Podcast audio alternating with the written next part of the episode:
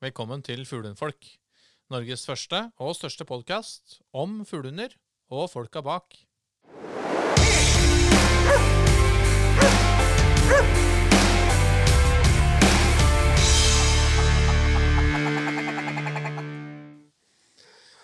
Hei, gutter. Hei, hei. Hei. Da er det episode fem, da. Ja.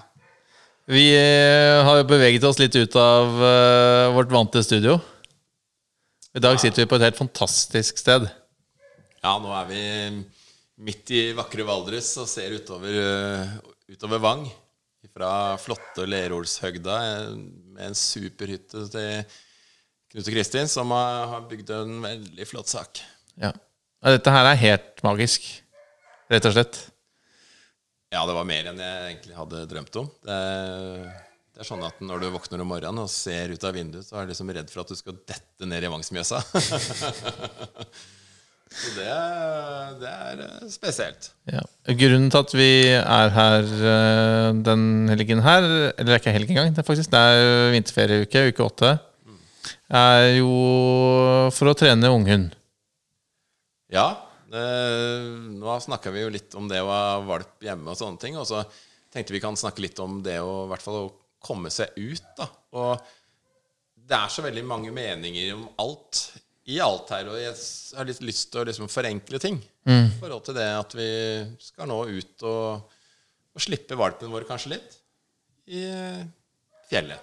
Ja. Og det har vi gjort eh, i går og i dag. Ja. Vi har prøvd oss litt, og, og det som er greia nå, er jo litt å på en måte få litt sånn layback og koble av lina. Og putte henda i lomma og holde kjeft.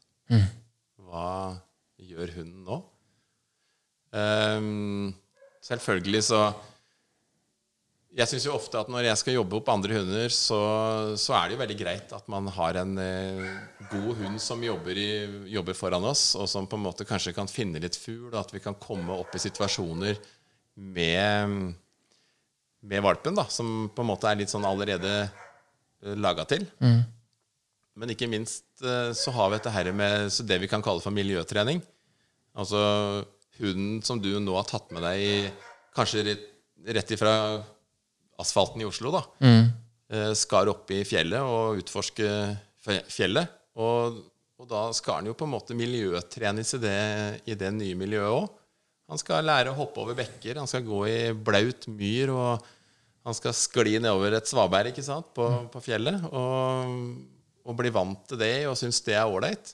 Så at man ikke liksom på en måte tenker at nå er det stand og ryper og full pakke med en gang. Nei, kanskje det bare er liksom det å bli vant til å, å bevege seg i det nye miljøet som er greia. Ja, og det var ganske sånn tydelig for meg egentlig i går, er forskjellen på det å gå tur og det å være på jakt. Ja. Og det tar litt tid før en unghund skjønner forskjellen. Ja, både du og, og hunden, ikke sant?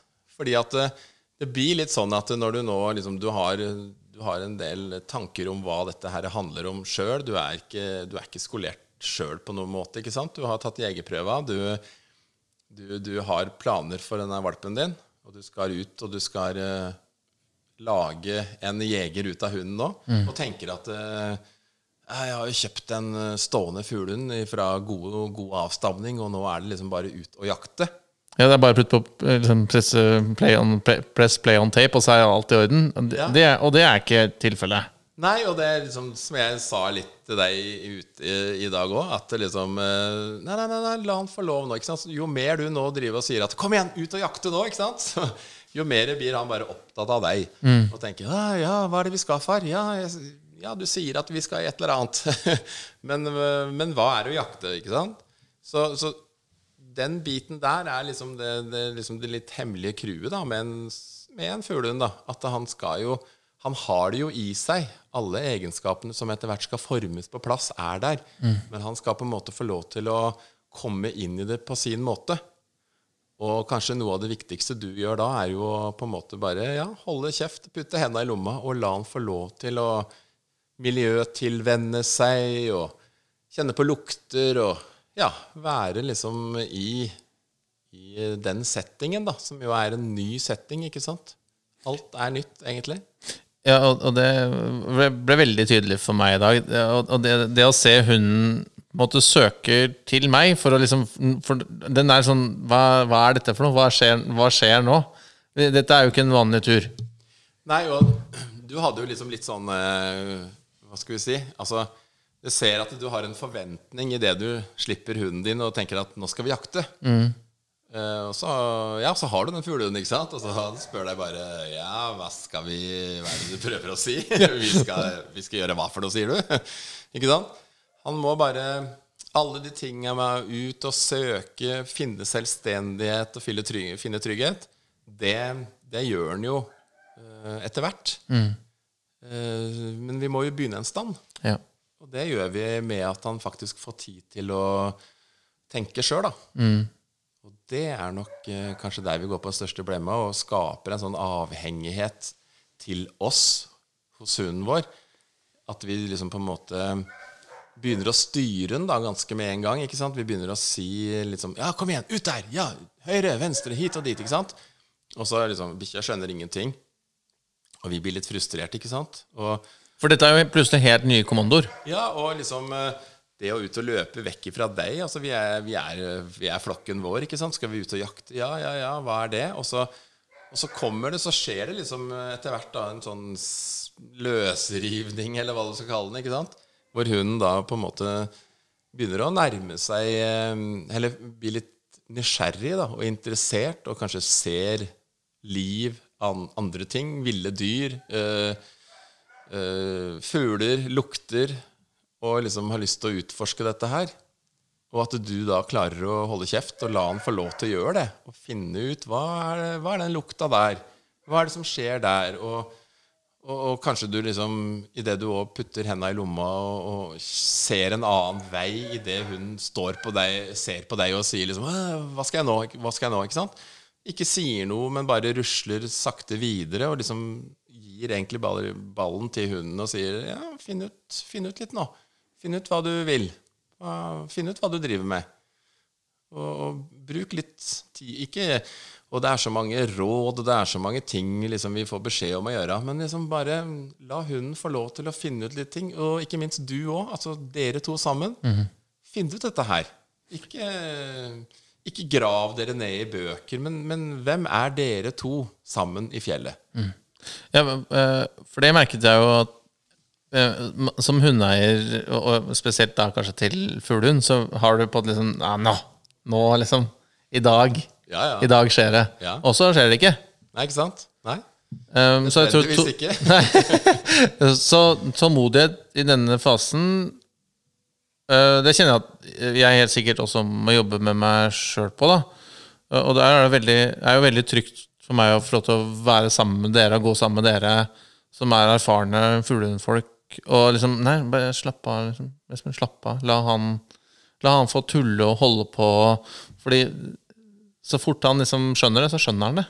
Ja, og så liksom de her hopp og sprett foran deg, og liksom litt sånn der, Litt sånn Hva skal vi, liksom? Hva, hva gjør vi? Hva er det vi Ja, du inviterer meg til å liksom Kom igjen, kom igjen, men hva til hva?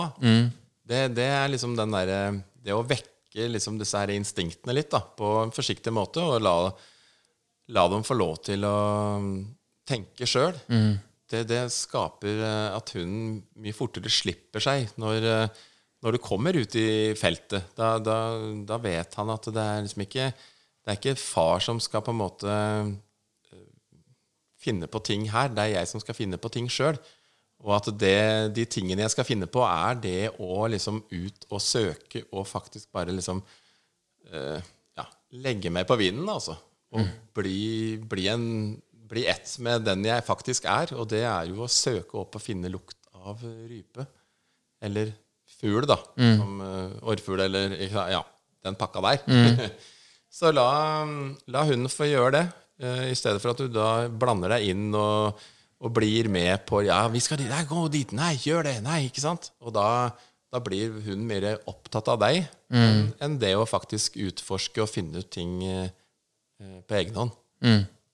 Som eh, på en måte egentlig ligger i genene. Ja, og det, det gjelder alle jakthunder. ikke sant? Det, det å på en måte frigjøre hunden ifra den litt sterke knyttinga til alt med deg, da, Mm.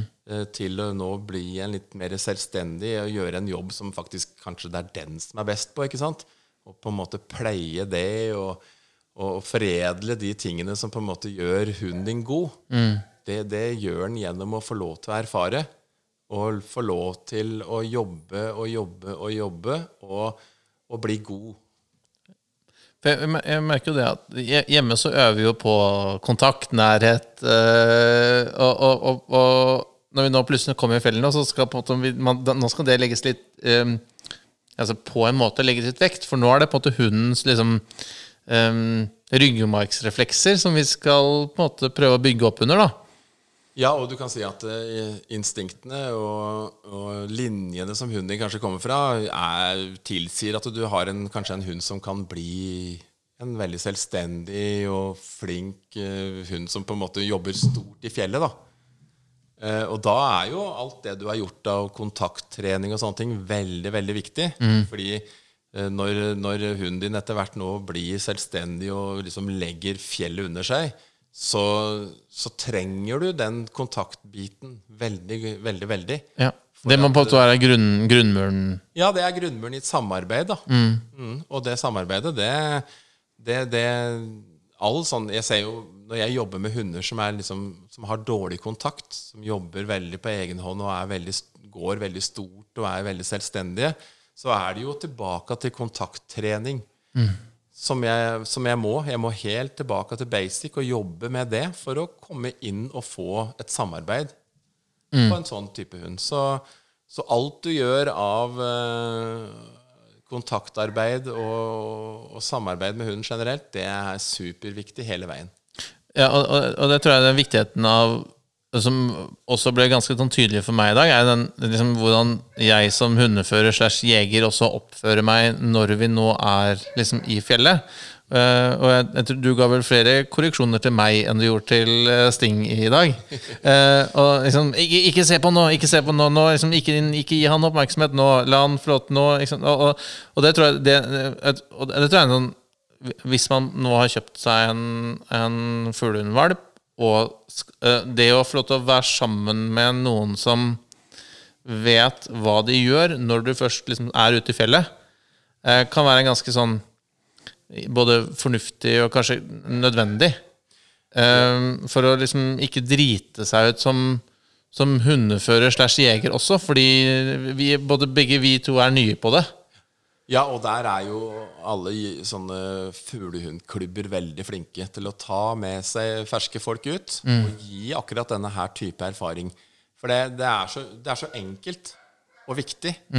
Men samtidig, hvis man ikke på en måte blir på en måte leda inn til det, da, så, så, så tenker man jo det at uh, man snakker til hunden og 'Kom igjen, og gjør ditt og gjør det'. Ikke sant? Og så, og så bare bikkja eh, 'Herregud, jeg står midt ute på vidda her. Hva faen skal jeg gjøre?' liksom. og det, det, det, det må liksom komme som en sånn eh, Det må få lov til å våkne, da. Og det gjør det gjennom eh, at man bygger opp en selvstendighet til hunden for å drive med akkurat det den skal. Ja.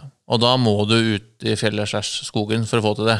Ja, du klarer ikke det- å gjøre det liksom på Ekebergsletta. Nei, ikke sant? Nei, altså Skal du skape jegeren, så må den jo få lov til å, å utvikle seg der den skal være jeger. Ja, jeg er sånn som liksom, Jeg skal klare alt selv, men, men, og det jeg det er sikkert mange som er sånn meg, men her tror jeg det er viktig også på å legge bort litt sånn egen stolthet. Tørre å liksom komme med lua litt i hånda, komme til en fuglehundklubb eller og si at vet du hva, jeg er fersk uh, fuglehundeier, og jeg trenger hjelp. Og jeg tror det er Og, og det var sånn supertydelig for meg i dag. Nå har jo Sting vært med dere en, noen ganger tidligere, men det er første gangen jeg får lov til å være med. Og det, ehm, det er super lærerikt. Ja, og det, det er litt vanskelig å lese seg til disse detaljene her. Ja. Og det, det er de små tinga her som teller, faktisk. Som man kanskje ikke kan lese seg til. For det er de tinga som en annen enn må se deg gjøre, og som du ikke tenker over at du gjør, som faktisk kan være liksom den store, lille tingen da, Ja. som gjør at du lykkes eller mislykkes. Ja.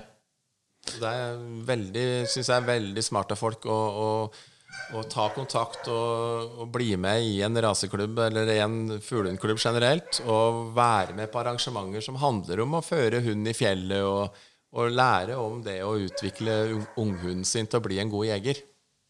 Ja, for dette er ikke, dette er ikke teoretiske øh, kunnskaper. på en måte. Dette er, øh, er, er Dette er prak praksis, liksom. Dette her er Jeg tror alle vi som på en måte jobber mye med hund i praksis, eh, veldig lett gjennomskuer dem som på en måte er litt for mye teoretikere, og, eller i hvert fall for lite praktikere, da. Mm. Eh, ser vi med en gang den store forskjellen. For vi som jobber mye med hund, vi er mye rundere.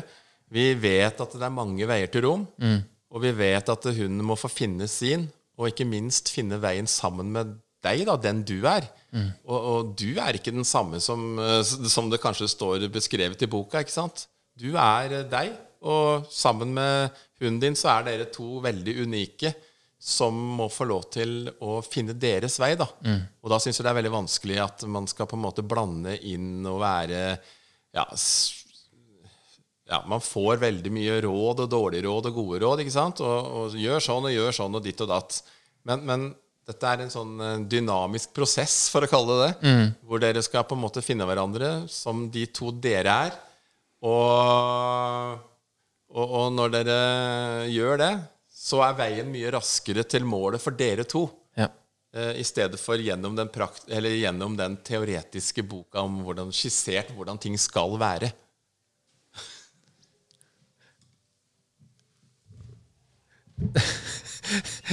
Dette er, jo, dette, er, jo, noe av skjermen med å gjøre opptak eh, litt utenfor studio. Eh, det skjer jo ting rundt oss som vi ikke har helt, eh, ikke har helt kontroll. Nei, det en månelanding ute ja. her nå. Så. Og noen litt, litt, utålmodige hunder. Men det, det, vi tar den med den utsikten vi har i dag, så tåler vi, vi tåler det. Absolutt. Selv om det ble noe, noe forpurret, selvfølgelig. uh, nei, og, og, og uh, i hvert fall for Sting og, og jeg den, disse dagene her nå, så har jo både dere som er erfarne, uh, Torjus og du, og vi har med oss noe mer erfarne hunder. Så, så både Sting og jeg har uh, litt sånn, noen, litt sånn kompetanse å lene oss på.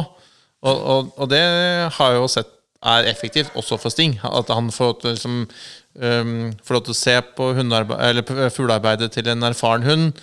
Får, får lov til å fly litt i beina på han og ødelegge litt for han. Men, men, men, men, men det er på en, en, en, voksen og trygg hund. Uh, men, alt dette bidrar jo til at uh, ting våkner hos uh, unghunden.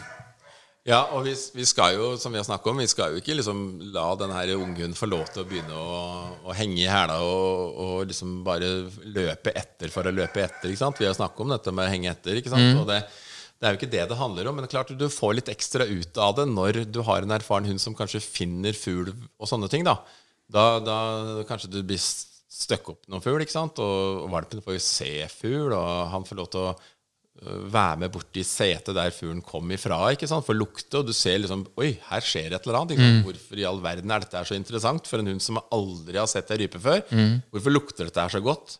For akkurat den hunden som ja, Han har jo all, har ingen erfaring. Et eller annet skjer i hunden din. Du ser at den liksom Den får en sånn uh, fokus.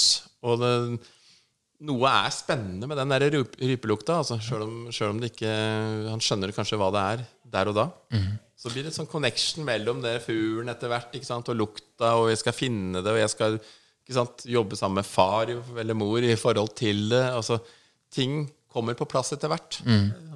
Puslespill, dette her. Men, øh, men, ha tålmodighet. For det skjer liksom ikke, det skjer liksom ikke løp med, med, et fingerknips, liksom. Nei, og det er veldig, veldig forskjellig hvor fort øh, på en måte en hund modnes, kan du si, og våkner, som vi sier òg, da. ikke sant? Mm. Hun kan jo bli eksponert i fugl flere ganger og på en måte ikke egentlig få noe særlig ut av det, annet enn at i øyeblikkets eh, interesse, da, eller oppvåkning akkurat der og da, men så, så blir det borte igjen som en hvilken som helst annen erfaring som blir gjort og forsvinner igjen. Men med noen repetisjoner og liksom med modenhet og klarhet for å på en måte være med i dette her, så, vil, så sier vi plutselig at uh, at uh, unghunden vår har våkna. Mm. Og i det så legger vi jo at nå skjønner han hva det å jakte eller løpe og finne fugl egentlig er for noe. Og, og, og ta i stand og, og ja, begynner å være med i, i dette spillet, da. Og så har vi hatt to helt sinnssykt fine dager her nå. Vi har vært heldige både med været, øhm, litt mye vind i går, øhm, men en hel del fugl. Ja. Og det gjør at vi får um, ja, repetert. Ja, og nå, liksom, nå får vi jo liksom Jeg syns ofte at det liksom sånn tidlig på vinteren, seinhøst, vinter, sånn november, desember, januar eller Ofte er litt sånn at man, man har, har ganske glede av å på en måte kjenne terrenget da, og vite hvor fuglen er i forhold til eh, tida på året. Så syns jeg at eh, når vi nå lir utover mot våren, så blir på en måte fuglen litt mer samarbeidsvillig og, og, og lettere å finne, kanskje. Og han nærmer seg jo at han skal begynne å tenke på på leiken for, å, for paring og egglegging til sommeren. Holdt på å si, ikke sant? Ting begynner å gakle i veien. Vi vet, utover vinteren nå så er det jo orrhanalek på myrer, og det er tiurlek i skogen. ikke sant? Og på fjellet så gjør rypa det samme. Så, så, så, så vi er, det er lettere for oss etter hvert nå å komme inn på dette her og og finne fugl, da, rett og slett. Mm. Og været, ikke minst, blir jo bare bedre og bedre utover våren. Altså, vi har hatt påskestemning. Ja, det er ikke noe som er så fint som å, å kunne gå i fjellet nå i midten av februar og føle at det er beste påskeværet, liksom, med sol og ja, varmt og godt. Ja. Ja, det er flott. Um, hva annet er viktig i den perioden vi er nå med Nå er vi liksom Vi er i gang med fuglearbeidtreningen mm. for ungen. Hva er viktig liksom fremover nå? Ja, altså, innledningsvis så snakka jeg om de seks første månedene som er veldig viktige for hunden. Og, og, og det at valpen nå får lov til å få en del av å være med litt og bli eksponert for dette her innenfor den perioden, er, er veldig viktig. Mm. Vi skal ikke holde igjen denne bikkja her nå til den blir voksen før han skal ut og løpe. Han skal ut og erfare og få dette her i i tidlig alder. Og det er viktig. Og kontinuitet sier seg jo, og så skal man bli god på noe, så må man repetere. Og det skal, kan ikke være altfor lang tid mellom hver gang vi på en måte er i fjellet, da. Det, det må på en måte settes av litt tid, og det må settes av liksom litt sånn Det må gjøres en plan på at eh, vinteren i år eh, på en måte er litt forbeholdt at vi har en valp i huset som på en måte skal få mest mulig erfaring i fjellet å gjøre. Det er nok eh, noe av det vi liksom kanskje eh, plutselig ser at eh, Oi, jeg jo, får jo ikke tid til dette her omtrent. ikke sant? Og da, og da, da mister vi mye viktig tid, erfaring, for valpen, da. Ja, og, og- det tror jeg er er, Det du sier der, er et viktig poeng, fordi jeg kjenner jo selv Nå har jeg vært heldig og truffet dere. Uh, og, og sånn sett uh, fått liksom være med på reisen sammen litt sånn sammen med Sting og dere. Uh, og så er det ikke alle som har liksom den førstehåndstilgangen til den kompetansen dere besitter. Så liksom, hvilke muligheter Eller hva, hva bør man gjøre som fersk fuglehundeier?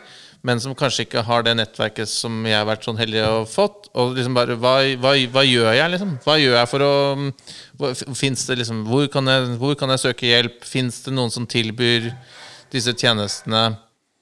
Ja, altså det er det absolutt mange som gjør. Og ikke minst så eh, En billig og veldig god måte å gjøre dette her på, er jo til å slutte seg en klubb. da En eh, fuglehundklubb som er i det området der du bor. Ja, for det er greit å komme liksom med lua i hånda og en valp som uh, nesten ikke sitter på kommando, og så liksom bare 'Hallo, kjære dere, jeg, jeg trenger hjelp.' Det er liksom, det er innafor. Det er veldig innafor. Det Ja. er sånn med Altså det er en jobb som må gjøres hele tida og holdes ved like. ikke sant? Og det er liksom eh, Alle vi som driver med fuglehunder og har gjort det i mange år, vi vet at sånn, sånn er det, og vi vil gjerne hjelpe. Det er, klubbmiljøer er veldig positive og vil gjerne være, være der for det og hjelpe deg. Og det skal du bare ta imot alt Ja. du kan få.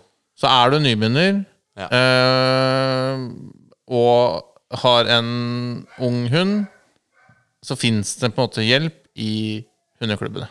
Hundeklubber gir deg et, et, godt, veldig, veldig godt uh, alternativ. Og, og det er jo selvfølgelig òg mange private skoler og dressører som er veldig flinke, som, men det ofte koster litt mer.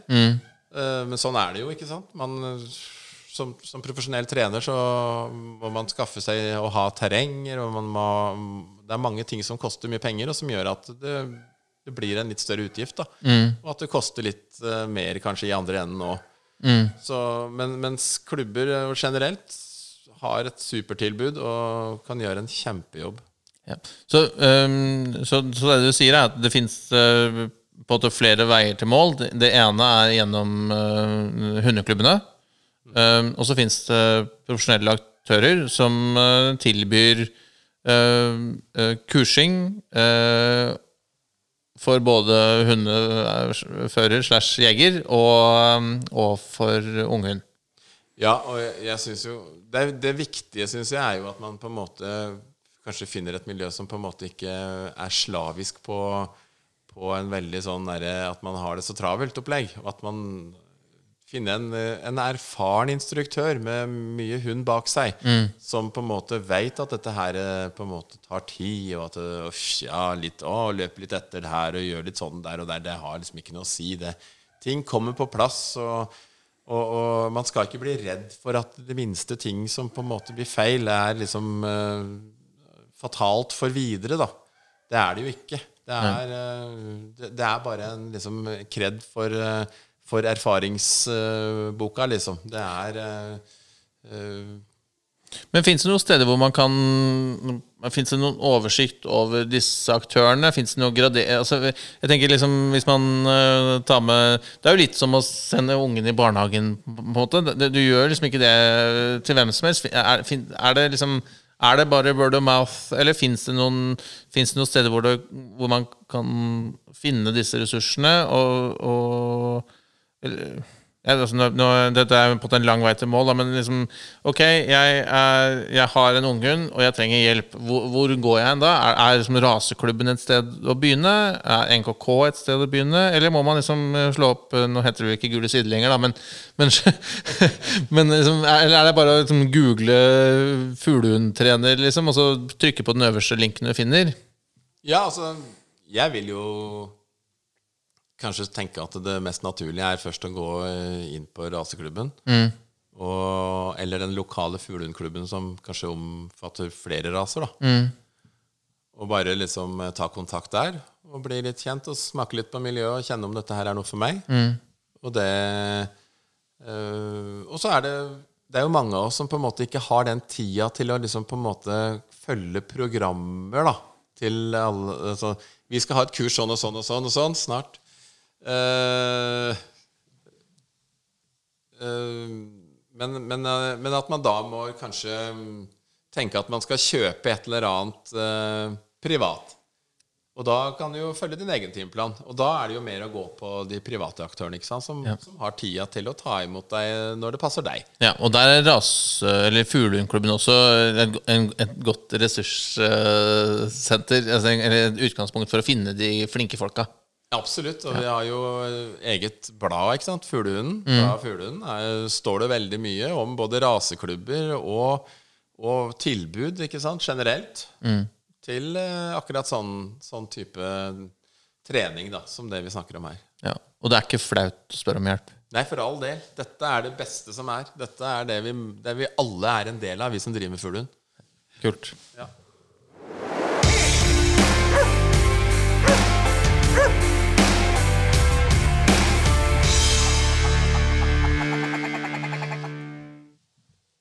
Vi, vi må jo ha med et um, stammespråkord i dag òg, må vi ikke det, Torjus? Ja, eh, nå har vi jo snakka en del om vind. Eh, Ja, masse. vind I dag har det vært mye vind. Det har vært mye vind her. Og, og, og det mm, Da du slipper bikkja i vind, da, tenke på det, da hvor eh, vind kommer ifra. Eh, Kommer den med meg, eller kommer den imot meg? Og det å la slippe bikkja i motvind, f.eks., så, så, så søker den jo fra deg. Mm.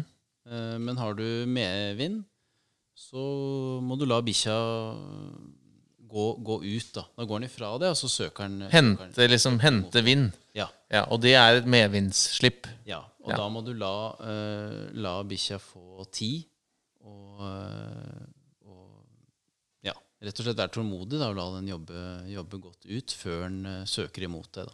Ja, for da må den liksom gå fra deg, et stykke fra deg, hente vinden, Ja. og så søke til deg. ja. Ja. Det blir jo et uh, medvindsøk, da. Ja. Så um, øh, dagens, med, dagens stammespråkord er medvindsøk. Medvindsøk. Ja. Ja.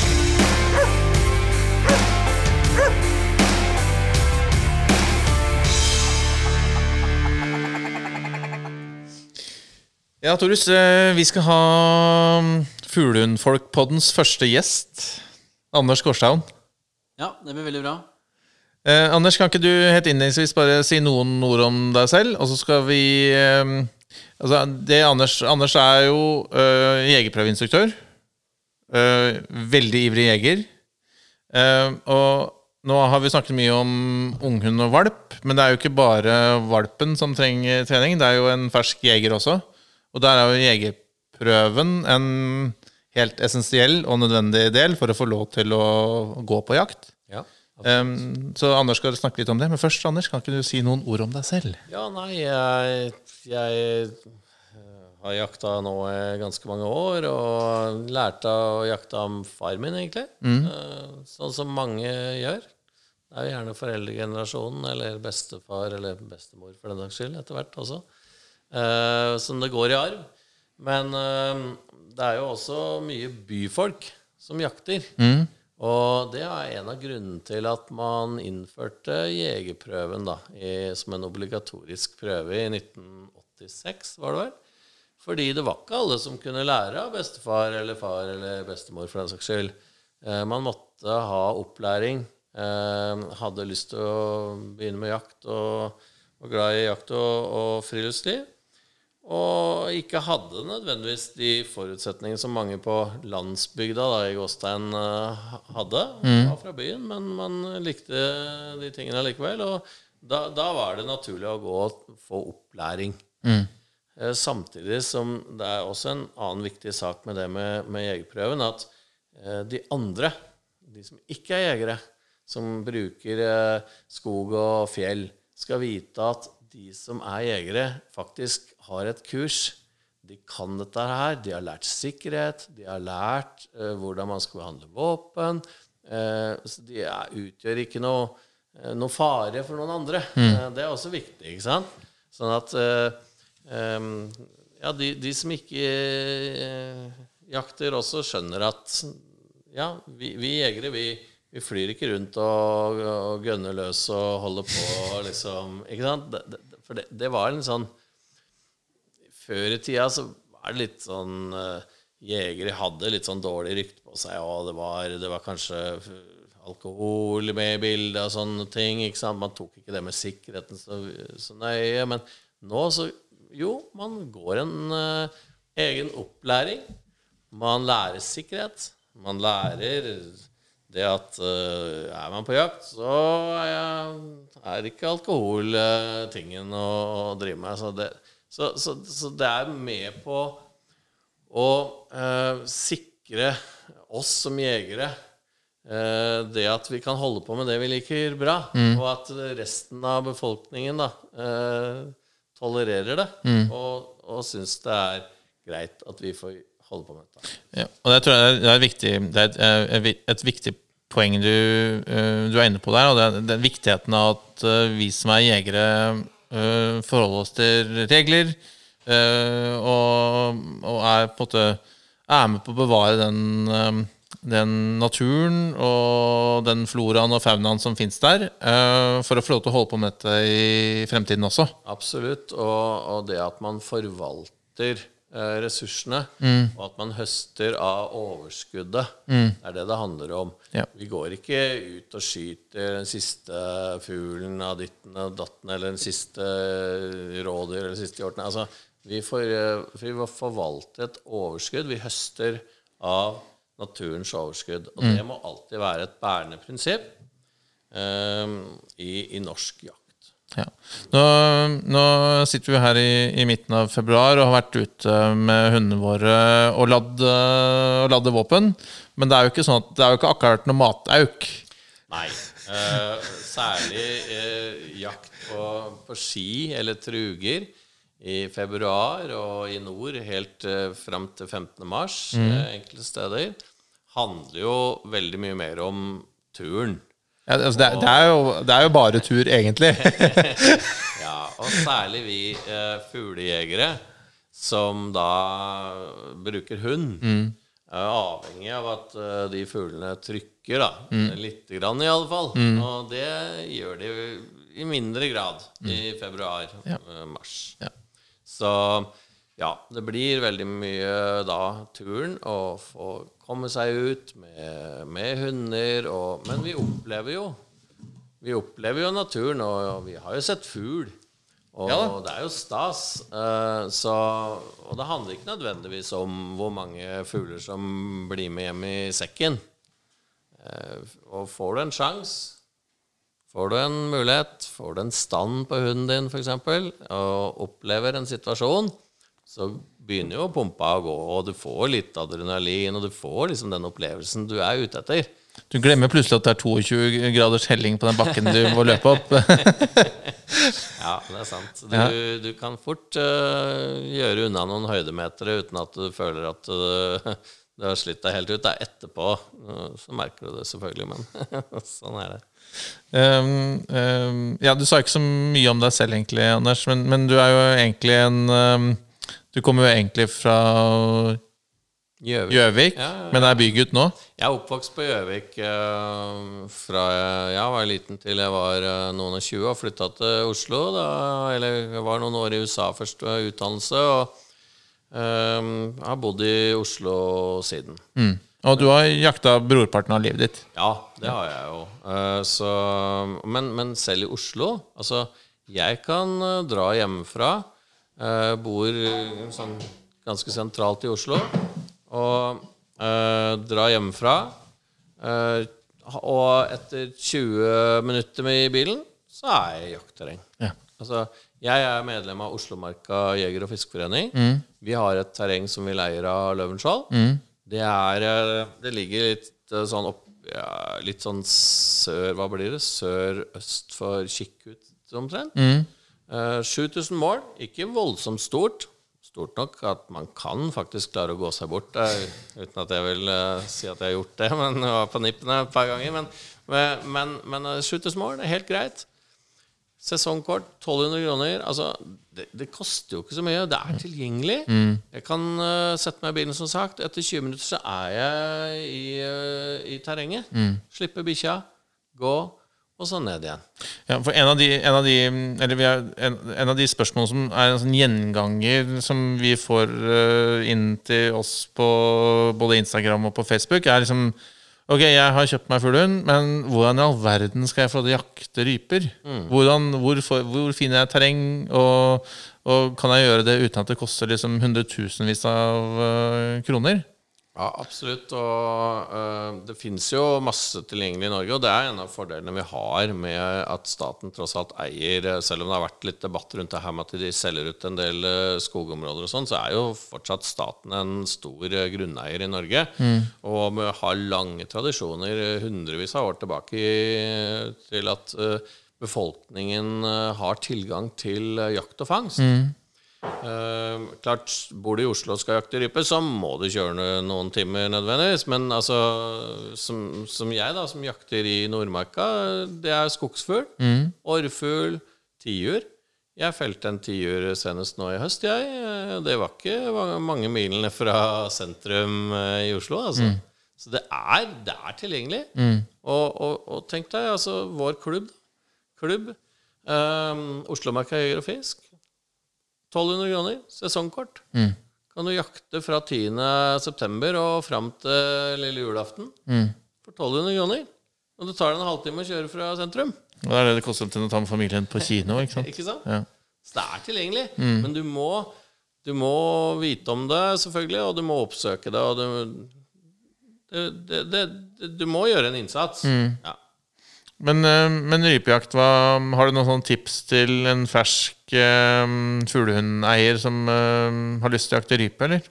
Ja, altså det fins jo terreng rundt omkring, og iNatur er jo en fantastisk fin portal uh, å finne muligheter. Finne både terreng og hytteleie og i det hele tatt. Uh, jeg husker jo for noen år siden så, så var det litt smalhans på rype her nå i, på Østlandet og, og i sør. Uh, da tok vi turen til Finnmark. Ja. Og da bugna det fugl der. Det er ofte litt sånn uh, Er det ikke fugl der, så er det fugl der. Men, men det er statsallmenning, eller er det Ja, privatstein? da, jo, jo, da, da kjøpte jeg kort. Mm, I, stat, I statsallmenning? Ja, ja. Mm.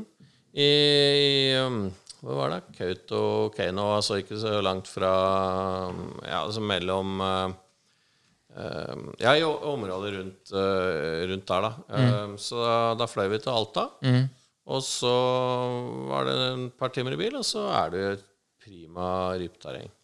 Leide hytte av en uh, same der oppe. Uh, som en veldig hyggelig kar. Eh, og han kjørte oss ut på vidda. Og vi, jeg jakta da sammen med min datter og min sønn. Og kona var med som rævadilter, som vi sier da.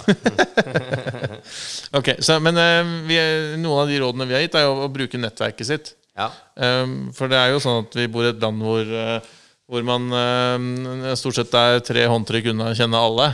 Ja. Um, så det å, bruke, det å bruke nettverket sitt kan være en, en fornuftig måte å prøve å få tak i seg et, eh, et jaktterreng på. da Absolutt. Enten som gjestejeger eller Ja. Ja da. Det er, det er ganske tilgjengelig med jakt i Norge, altså. Det, absolutt. Så det er, det er det, akkurat den Det er ikke noe argument at nei, jeg fikk dessverre ikke jakta noe fordi jeg fant ikke ut hvor jeg skulle gjøre det. Altså, det er dessverre slik at mange som tar jegerprøven Jeg er jo jegerprøveinstruktør uh, sjøl, og um, det er dessverre slik at uh, en del ikke kommer seg ut. Du tar jegerprøvekurs, og så blir de ikke jegere. Er en Dørstokkmila sånn- er jo høy, da. det er en terskel der. Mm. så man må virkelig ville det, og man må, må, må finne ut av det. Og, men, men som sagt, det, i Norge er jakt tilgjengelig. eh, og vi har en portal i natur som er helt fantastisk. Du finner, du finner Ja. uh, terreng. Uh, jeg har blitt invitert av uh, venner av oss som eh, inviterer meg på ting i september. Og hvis det er et eh, middagsselskap på Majorstua, så blir det ofte nei eh, som svar. Men er det en hyttetur f.eks. et eller annet sted, så tenker jeg å ja, men hyttetur, ja. Ok, hvor er den hytta? Ok, da går jeg på Innatur. Kan jeg da kombinere det med at vi kommer opp der og er en weekend? Eh, med at jeg kan ta med bikkja og børsa, og så kjøper jeg kort, og så, og så kan jeg gå. Få noen timer. Ja. Og det fins. Ja, jeg senest nå her var på Syndfjellet her uh, for en, noen uker siden. Noen venner av oss med hytte der. Ok, gikk på Ja, det fins. Jeg fikk kjøpt kort. Kunne gå. Kult. Ja. Ja. Så øh, i natur. I natur. Ja. Det er et godt uh, starting point. Ja. Absolutt. Eh, litt tilbake til dette med jegerprøve. Eh, la oss si at vi har, nå har vi kjøpt oss uh, fuglehundvalp. Og, eh, og så er det nå, nå trenger far, matfar eller matmor litt, litt kursing. Ja. Hva, hvor begynner man hen? Altså, det er jo Og man får jo alltid høre at grunndressur, det er viktig, ikke sant? Kom her. Kom. Og sånn Ja, jeg har en veldig lydig hund. Ja, den kommer hver gang. Ja, men hvis han bare kommer når han har lyst sjøl, da er han egentlig ikke en lydig hund. Men hvis han kommer når du vil, da er det en lydig hund. Så det er liksom forskjellen, egentlig. Eh, veldig ofte. Og den grunndressuren, ja, den er viktig. Den er det. Eh, men det er ikke så mange kommandoer du trenger, egentlig. Det er 'kom her', 'kom hit', 'kom hit nå', liksom. Eller 'sitt', 'ligg'. Det er kanskje to-tre kommandoer, så er du i mål. Eh, Og så kan du selvfølgelig tilføre masse, og, men rull rundt og gjøre masse ablegøyer og sånn, det trenger du ikke for en fugl. Jeg er helt enig. Jeg er helt enig. Men klarer du å kalle inn hunden din, selv om hunden egentlig ikke vil det sjøl, da er du langt. Da er du kommet langt. Og så er det vi, da. Hundefører eh, slash jeger. Da er det jo Vi har snakket litt om, om det å ta jegerprøven. Hvor begynner man hen? Hvor, hvor, liksom, hvor, hvem tilbyr jegerprøvekurs? Er det liksom kontakt til den lokale, lokale jeger- og fiskeforening, f.eks.? Ja, ja, absolutt. Da, da får du tilbud om kurs, og det ligger også ute på nett uh, til enhver tid. Eh, NJFF har jo en oversikt over alle kurs til Ja. hver tid. Ja. I alle klubber i hele landet. Ja, og også, også sett at noen av disse større sportsbutikkjedene tilbyr uh, type XXL og sånn, til, også tilbyr uh, jegerprøvekurs. Det gjør de også. Ja. Absolutt. Mm. Så Eh, kan du Mm. finner alltids et kurs. Og, og mange, mange klubber har jo kurs Altså, det er forskjellige varianter av kurs, men uh, hvis du vil uh, gå et litt sånn inten, intensivt eh, løp, så kan du bli ferdig på en drøy uke. Ja. Ja. ja. Eh, eller så kan du gå og ta det i lugn og rolig tempo. ja. Eh, så, så det er litt opp til hvilke behov du har sjøl, egentlig. Jeg vet det fins jo en app hvor du kan på en måte prøve deg litt på, um, på disse typiske jegerprøvespørsmålene. Da. For det er, jo en, det er jo en sånn artskunnskapsbit. Ja. eh, en sikkerhetsaspekt. Mm. alt dette er jo teoretisk, og så er det en praktisk For man må, liksom, man må være med på skytebanen. Ja. Ja. ja. Og det er klart, sikkerhet, våpen og sikkerhet er en viktig del av jegerprøven. Mm. Absolutt. Men, og, og det, men det som folk flest bommer på, da, eller flest feil da, på, på jegerprøven, er gjerne artskunnskap, og det er også lover og, og regler. Mm. Så hvis man skal fokusere på, eh, på å gjøre det best mulig, så er det de eh, bitene av kurset som kanskje er, er viktigst. da. Ja. Um, Og som krever på det mest terping. ja, og uh, når det gjelder artskunnskap, så, så er det jo um, gjerne alle disse alle disse endene. Mm, ja. Ja. Vade og voks. våt ja. Det er jo uh, forskjellige typer ender, og så har du masse arter innenfor de ty forskjellige typene igjen. Og sånn. Og så kan man tenke på ja, hvorfor trenger jeg å kunne forskjell på alle disse endene? Men uh, jeg må si uh, jeg hadde hatt glede av det, å terpe litt på disse endene. Uh, for jeg har vært på sjøfugljakt eh, en del ganger. Og det er en fantastisk fin form for jakt. Eh, man sitter på et, en holme eller et skjær bak en eller annen type blind eller man har rigga seg til. Gjerne med masse lokkeender ute på, på sjøen. Eh, og enten så da i grålysningen eller i skumringen. Og trekket da med ender. Fantastisk flott, og det er action, og, og det skjer noe hele tida. Men det å kunne se forskjell på en and da, eller en sjøfugl som er lov å skyte, og ikke En som er freda, ja. ja, ikke sant? Det er fort gjort, altså. Det er, det er skumring, det er um, Og litt puls. lys, ikke sant? Ja. Så det er fort gjort å, å kunne eh, gå feil der. Eh, tenk deg f.eks. Uh, sånn som Du kan skyte en skarv, Mm. eh, men det skal være en ung fugl. Mm. Ung skarv. Så den skal altså ha lyse fjær på brystet. Eh, og dette er det du må vite. Ja, du ser, ja, det er en skarv, men vet du at det er en ungfugl eller en voksen fugl? da? Mm, ja, det er forskjellen. Hvite fjær på brystet, ikke sant? Ok, Og så er det om å gjøre å se det, selvfølgelig, da, når det er uh, til dels dårlig lys. Så Nei da. Så det artskunnskap uh, Ja, det er en vanskelig del av jegerprøven, og det er veldig mange som får de feilene de ofte får, kommer der. Eh, men det gir deg bra kunnskap og verdt å, å fokusere på, altså. Absolutt. Ok, kult. Eh, men sånt, eh, hva koster et sånt jegerprøvekurs? Det koster nesten ingenting. Nei.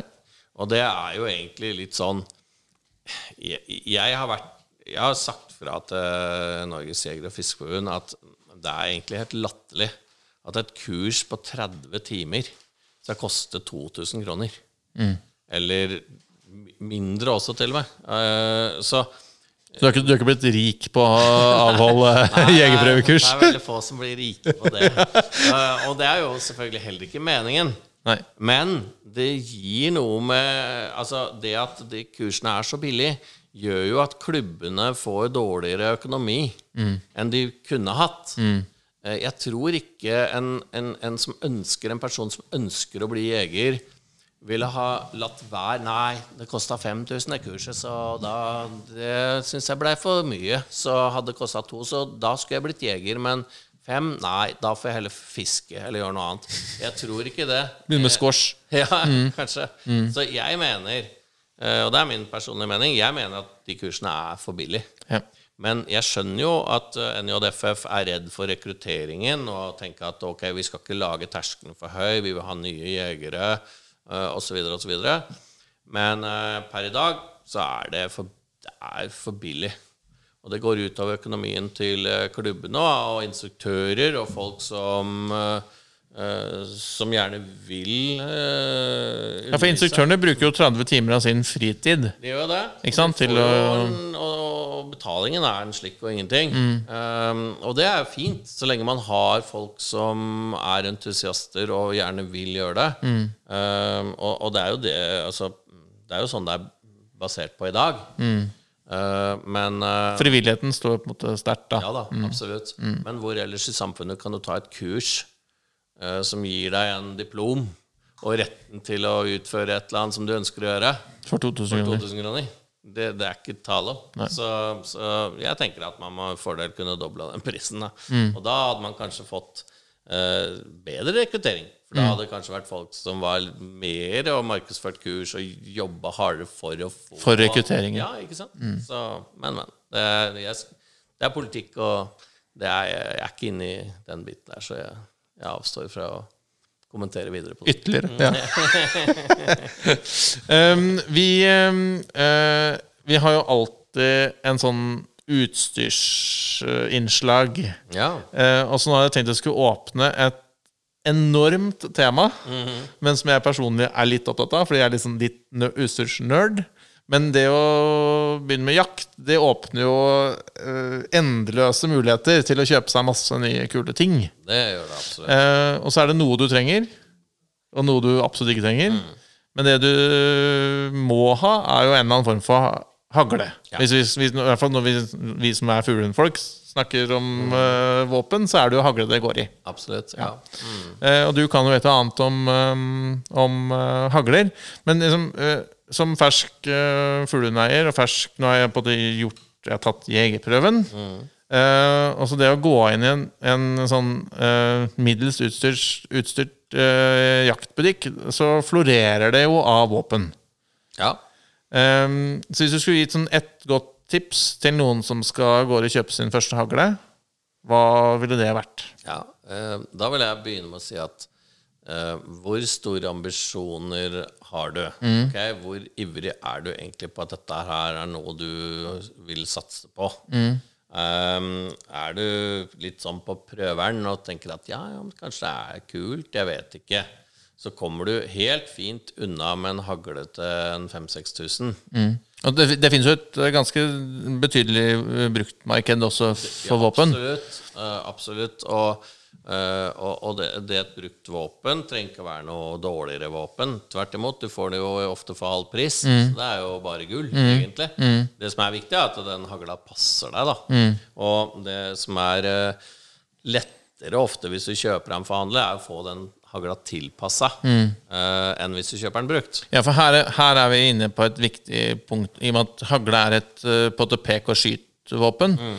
så er jo det avhengig kanskje i større grad enn en rifle, f.eks., hvor du har andre siktemidler. Um, og så er jo hagla et våpen som kastes opp til skulder. Ja. Um, og følgene av å ha en hagle som ikke passer, er jo bom. Ja, det er bom. Ja. Det er bom. Så enkelt er det. Eh, Det som er viktig, er at hver gang du kaster opp den hagla, så skal den i utgangspunktet havne på samme sted. Eh, og det har litt med skjeftets utforming og sånn å gjøre, at den faktisk gjør det.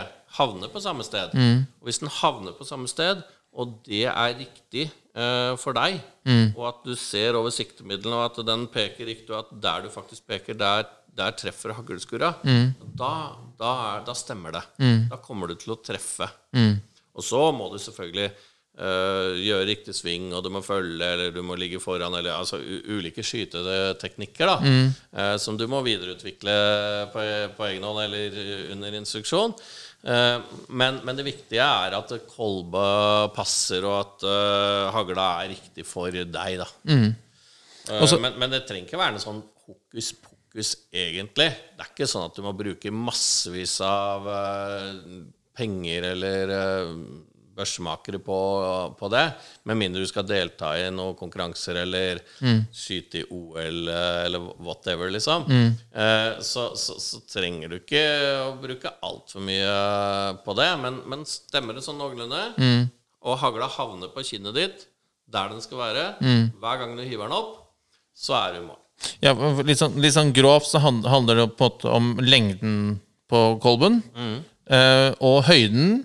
Ja. Og til en viss grad eh, en sånn type vinkel på, på pistolgrepet. Ja.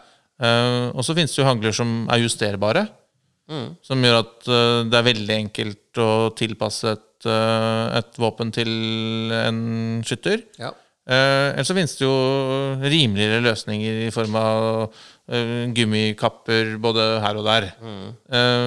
men, men, men jeg tenker liksom det å Litt avhengig av, som du sa innledningsvis, litt avhengig av ambisjonen, da, men det å heller kjøpe et rimeligere våpen, heller bruke litt penger på å ha litt penger igjen til å få den tilpasset ordentlig, istedenfor å bruke hele budsjettet på å kjøpe en, børs en som ikke passer. Absolutt. Og, eh, men, og mine hagler Jeg har tre-fire hagler. Mm. to av de har jeg arva etter min far. Mm. og det er de jeg har jakt, jakta mest med, egentlig.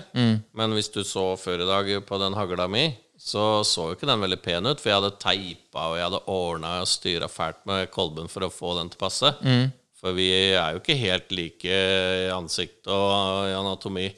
Eh, Og min no, noen noen opplever jo at anatomien endrer seg litt i løpet av livssyklusen også. også. Ja, men det er, det, er ikke, det er ikke tull, det. altså Nei.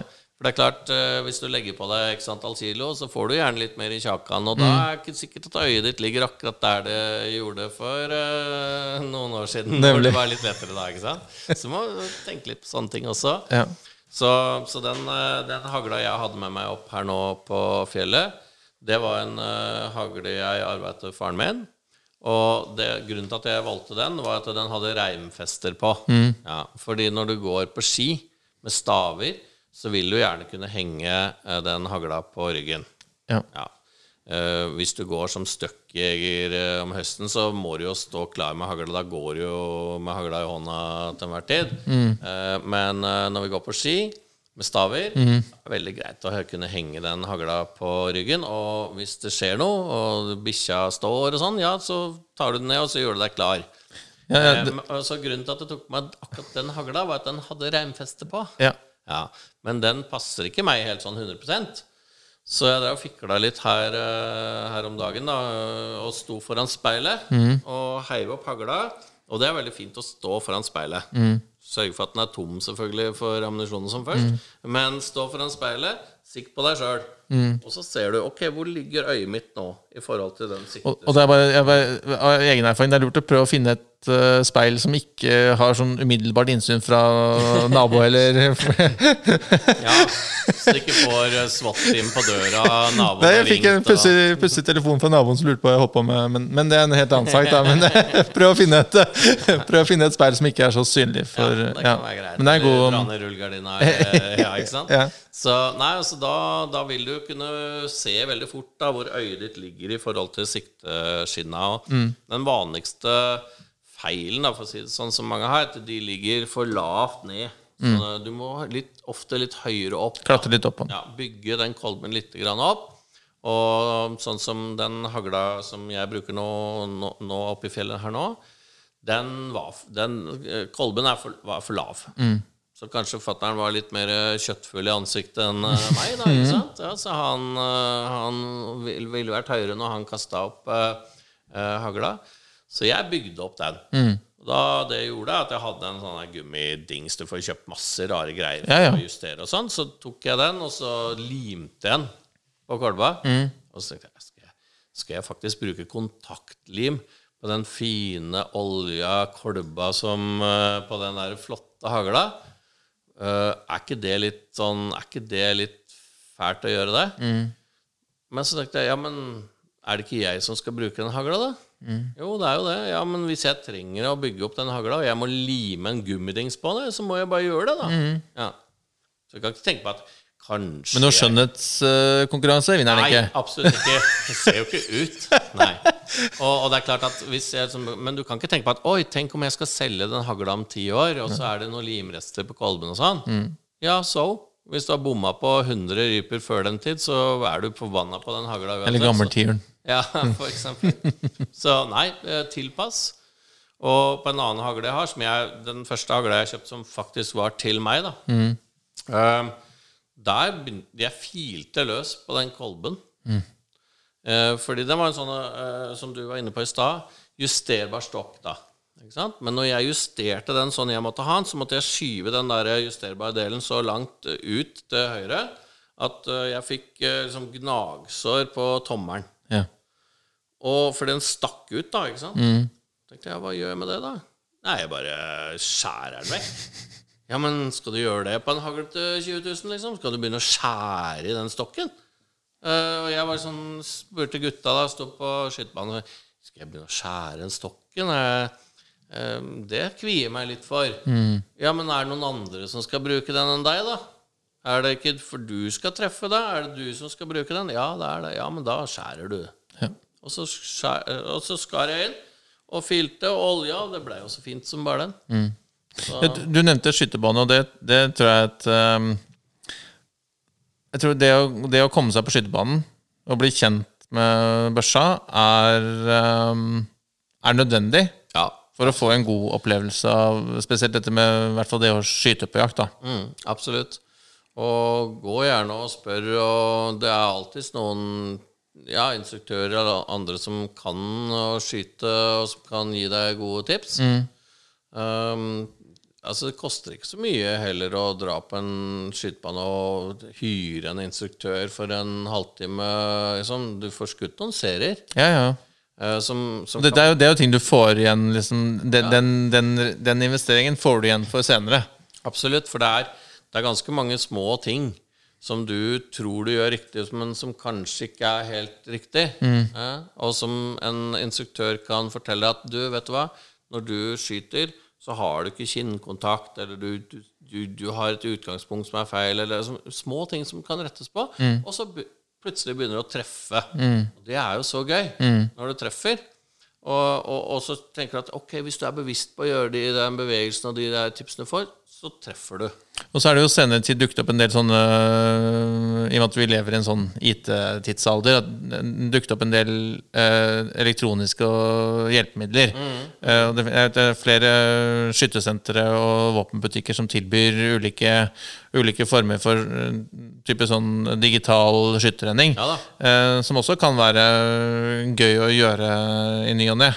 Eh, for da, da fester man jo en en, en laser på våpenet som viser hvordan du kaster opp børsa, hvordan du følger eh, viltet, eh, hvordan du drar igjennom ja, noe, som, noe som kan være lær, lærerikt å få en sånn visuell fremstilling på. da Absolutt. For det kan jo være vanskelig for en nybegynner å komme på skytebanen og ja, men du ligger under eller over eller foran og bak og drar ikke gjennom. Det er, det er jo like mange rare fremmedord der som det er i denne fuglehundmiljøet. Ja, ja. Um, Absolutt. ja. Og jeg, jeg vet ikke, når jeg er på banen og det høres som Ja, du skjøt bak, og du skjøt foran og sånn. Ja, hvordan vet du det? Ja, til dags dato aldri klart å se min egen Ikke jeg heller. Jeg har vært mye på skytterbanen. Hvordan hvordan de klarer å se det. Ja, jeg vet ikke. Men, eh, men har du en eh, type laser, eller jeg, jeg har kjøpt meg en sånn shotcam jeg nå, da. Mm. jeg har ikke fått prøvd det ennå. Men eh, jeg har sett på noen YouTube-filmer og noe sånt, at da, ok, da, da ser du. Da har du den røde prikken som er der hvor du på en måte sikter. Og så ser du da ok, du skjøt bak, eller du skjøt under, eller du skjøt foran. Eller sånn. Så da, da kan du ana- ana- analysere mye bedre eh, din egen skyting. da Istedenfor at det står en bak deg som Ja, det var bak. Det var bak. Eh, For det er som regel bak, hvis det er eh. Ja, det er det sikreste ja. Så hvis du ikke ser den haglskura, og du skal hjelpe noen andre, så bare si bak. Så Ja. er det som regel Ja, sånn. litt bak og litt under. Ja. Ja da. Nei, men og det å komme seg ut på skytebanen og, og skyte noen serier, det, det er veldig fornuftig. Og jeg skulle også ønske Altså, vi har jo krav i dag til at man skal på skytebanen eh, på storvilt med rifle. Du må skyte 30 treningsskudd, og du skal ha fem treff eh, på 100 meter innenfor 30 cm diameter på, på, på storvilt. Ingen krav til hagleskyttere, haglejegere. Enn så lenge. Ja, og jeg skulle nok ønske at man hadde minst Altså, man bør i hvert fall ha en serie eller to på banen Ja, helt før enig. man går ut. Helt enig. Og, og det er ikke bare for Og det, det er ikke nødvendigvis så mye sånn sikkerhetsmessig aspekt av det, men det er for din egen del også. Eh, Hvis du bare går rundt og bommer og bommer, og, så, så blir jo gleden mindre. Mm. Så det å komme seg på banen, det tror jeg er, eh, det tror jeg er alfa og mega. Altså. Ja, det er jo ikke sånn at du, Man kommer jo ikke i sånn endeløse jakt... Eller øh, altså viltsituasjoner, selv om man går med hund. Og det å liksom Det å få felt et vilt uh, innimellom er jo er, det, er jo liksom, det er jo det som er premien litt, Ja, da. da, på alt arbeidet som er lagt ned. Ja, ikke minst for hunden. Tenk deg, da, Det- det har en perfekt situasjon. Bikkja di står, fuglen er der, du vet, og, og du gir kommando, eller om Ja, fuglen går opp, og så klarer du Og mor og far, mor eller far bommer. Ja, og Ja. bommer, og, det, og det skjer gang etter gang en gang. Så tenker du ja, hva er den bikkja tenker? ja, Hva er det vi holder på med her, liksom? Du får et litt sånn skeivt blikk. Du ser ingenting. Hva Det er ingenting som detter ned foran her. Du kunne like gjerne prøve å ta den sjøl. Ja. Ja, og det, vil, det ønsker vi jo ikke, da. Nei. Ok, ehm, det, det finnes jo litt sånn ulike typer av hagler. Det er jo den, en klassisk uh, side by side, hvor løpene ligger vannrett ved siden av hverandre. Ehm, og så finnes det uh, over- og underhagler, Ja. um, hvor løpene ligger uh, vertikalt over hverandre. Ikke sant? Blir ikke det riktig? Det vertikalt? blir, øh, det blir sånn, ja. det ja, det, ja. ja. Over og under. Ja. Meg. Ja, over og under. ja. Mm, ja. Og så finnes det jo enkel altså type eh, pumpe eller uh, Halvauto. halvautomatisk hagler. Ja. Um, hva ville du kjøpt som første hagle? Um, jeg vil nok Altså, jeg er en tilhenger av over-under. Mm. Uh, og det er jo det som er det mest vanlige våpenet for i hvert fall fu fuglejegere, Mm. uh, egentlig. Og uh, fordelen um, er egentlig mange. Mm. Det, det ene er jo at det er et våpen du kan da knekke. Mm. Eller du, du, du knekker det for å, å sette inn nye patroner og ta ut uh, de du har skutt. Mm. Eh, fordel på skytebanen eh, med en hagle du kan knekke, er at folk faktisk ser at du har et knekt våpen som er da ufarlig. Safe. Ja, safe. Og har du en halvauto eller en pumpehagle, så er det ikke så lett å se at det våpenet ikke er ladd. Ja, du kan se at uh, Og det gjelder jo også i en jaktsituasjon hvis du går sammen med flere. Absolutt. Um, så er det jo det, det å knekke hagla er jo en veldig sånn det er en, et, et trygt signal til alle rundt deg at eh, nå er det liksom helt trygt å nærme seg. Det er et ufarlig våpen. Ja. Ikke sant? Uh, og du kan se på en, en halvauto eller uh, en pumpehagle om ladearmen står i bakre posisjon og sånn, men ikke sant? Da, da må du Kunne litt. kunne litt, Ja. faktisk. Ja. Eh, en annen ting med en, eh, et eh, enkeltløpsvåpen, en pumpe eller en halvauto, er jo også at hvis du står på banen, eh, på skytterbanen, på, på en av standplassene, så vil jo den spytte den tomme patronen ut til høyre. Så du kan jo faktisk da eh, eh, forstyrre, i hvert fall De som står ved siden irritere De som står står ved siden av deg. Ja. Det er ikke så kult å få en sånn tomhylse i, i tinninga eller i øyet. Nei. Så, men det finnes jo mekanismer for å fange opp eh, tomhylse og sånn også. Selvfølgelig, man kan sette på, på, på stopp eh, på det. Men eh, jeg er en tilhenger av et våpen du kan knekke, og over og under er, eh, er, eh, er ok i så måte. Ja, det er kanskje den mest moderne tolkningen av side by side. Det er vel liksom ofte hvis man er sånn, i en sånn situasjon at man arver en hagle av bestefaren sin, så er sjansen for at det er en side by side ganske stor. Ja da, og, og det som er fordelen med det, er jo at de er ofte et litt sånn penere, litt sånn smekrere våpen, da. Og du har kanskje en engelsk stokk som er liksom Det er ikke sånn pistolgrep, og det er, liksom, det er jo flott våpen, absolutt. Og en annen fordel med det er at du må knekke den mye mindre ned enn en over-under. Da må du knekke det veldig ned for å få satt det i begge patronene. ikke sant? Mens en side by side trenger du bare å knekke litt, og så kan du legge eh, nye patroner. Mm. Så, men, og, men det blir litt sånn følelser og egentlig altså, En over-under og en side by side er et likestilt våpen uh, sånn sett. Da. Uh, det, men men det, du må trene med det eh, for å treffe. eh, uavhengig av om det er sånn eller sånn. Det er skytteren som treffer. Det er jo det. Ja. Og hvis du har et våpen som passer deg, med, med kolbe og, og det peker dit du vil det skal peke, så, så spiller det ingen så veldig stor rolle om det er en side by side eller en over-under hagle, egentlig. Nei. Og så er det jo litt sånn diskusjon om kaliber. Ja, For det er det neste store valget, ikke sant? Ja, fordi øh, det er jo mest vanlig med kaliber 12. Det er, de fleste har jo det. Uh, hvorfor skal man ha noe annet, uh, tenker man. Eh, Det kan være grunn til å velge et annet kaliber. Ja, for det er- er kaliber 16 eller kaliber 20 som kanskje er de mest kjente alternativene. Ja. Uh, og uh, uh, kaliber 16 er ikke så vanlig lenger. Så da kan det hende at du sliter litt med å finne ammunisjon til kaliber 16. Det var mer vanlig før. Eh, men kaliber 20 får du fortsatt eh, fullverdig sortiment med ammunisjon. Det er jo betydelig mindre et betydelig mindre kaliber. Ja, men du har omtrent samme ladningen, for de er gjerne litt lenger i patronene. Altså du har omtrent samme, samme drepeevne, da, for å kalle det det. Men våpenet er ofte lettere Ja, og min, min, og mer kompakte. Ja, og det ble ofte som før i tida så kalte de ja, det er damehagle. Det er kaliber 20. Ikke sant? Fordi det var lettere, blant annet. da. Eh, Men så kan du oppleve at du kanskje har mer rekyl på en kaliber 20 fordi det er lettere.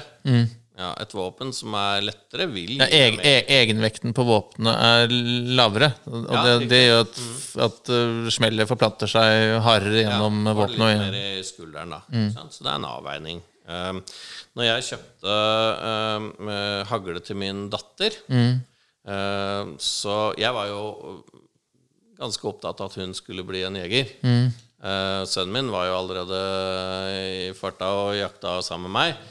Eh, men når hun fylte 13 år, så tenkte jeg at nå skal hun få hagle eh, til bursdag. Og det var ikke så veldig mange andre på hennes alder som fikk hagle til bursdag. Skal sånn sies.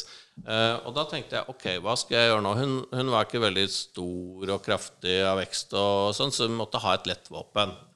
Så da valgte jeg faktisk en hagle i kaliber 410. Og så tenkte du ah, hva er dette her nå? 12 og 16, 20, 4 Hva- Jeg skjønner jo ikke bæret av det greiene her. Men hvis du, hvis du sammenligner 410 med en sånn type 12, 16, 20, så skal vi helt ned opp på 36. Det er Kaliber 36. Um, og veldig mange vil si å, det er sånn trostehagle, het det før i tida. ikke sant? Trostehagle. Men um, 410 er et veldig vanlig våpen, mye mer vanlig våpen i en del andre land enn i Norge. Og sånn som i England. Det var derfor jeg egentlig kjøpte den 410-hagla til min datter. Fordi jeg hadde noen kollegaer på jobben som, eh, som, som var fra England.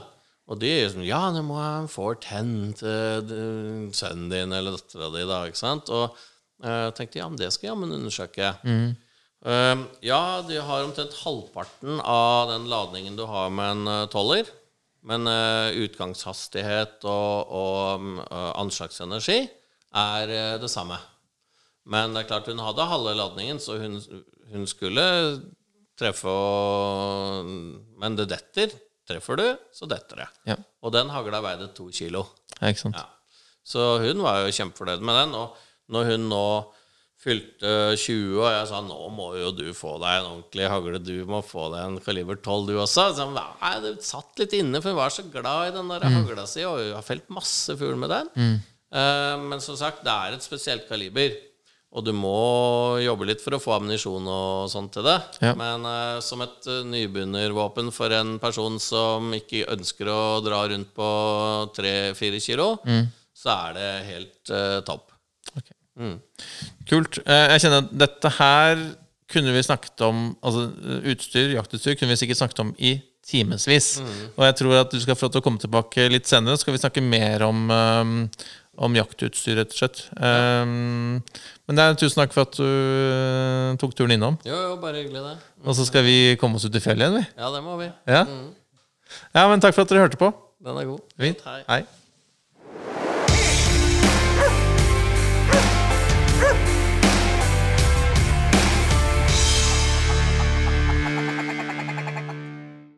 Takk for at du hørte på Fuglehundfolk.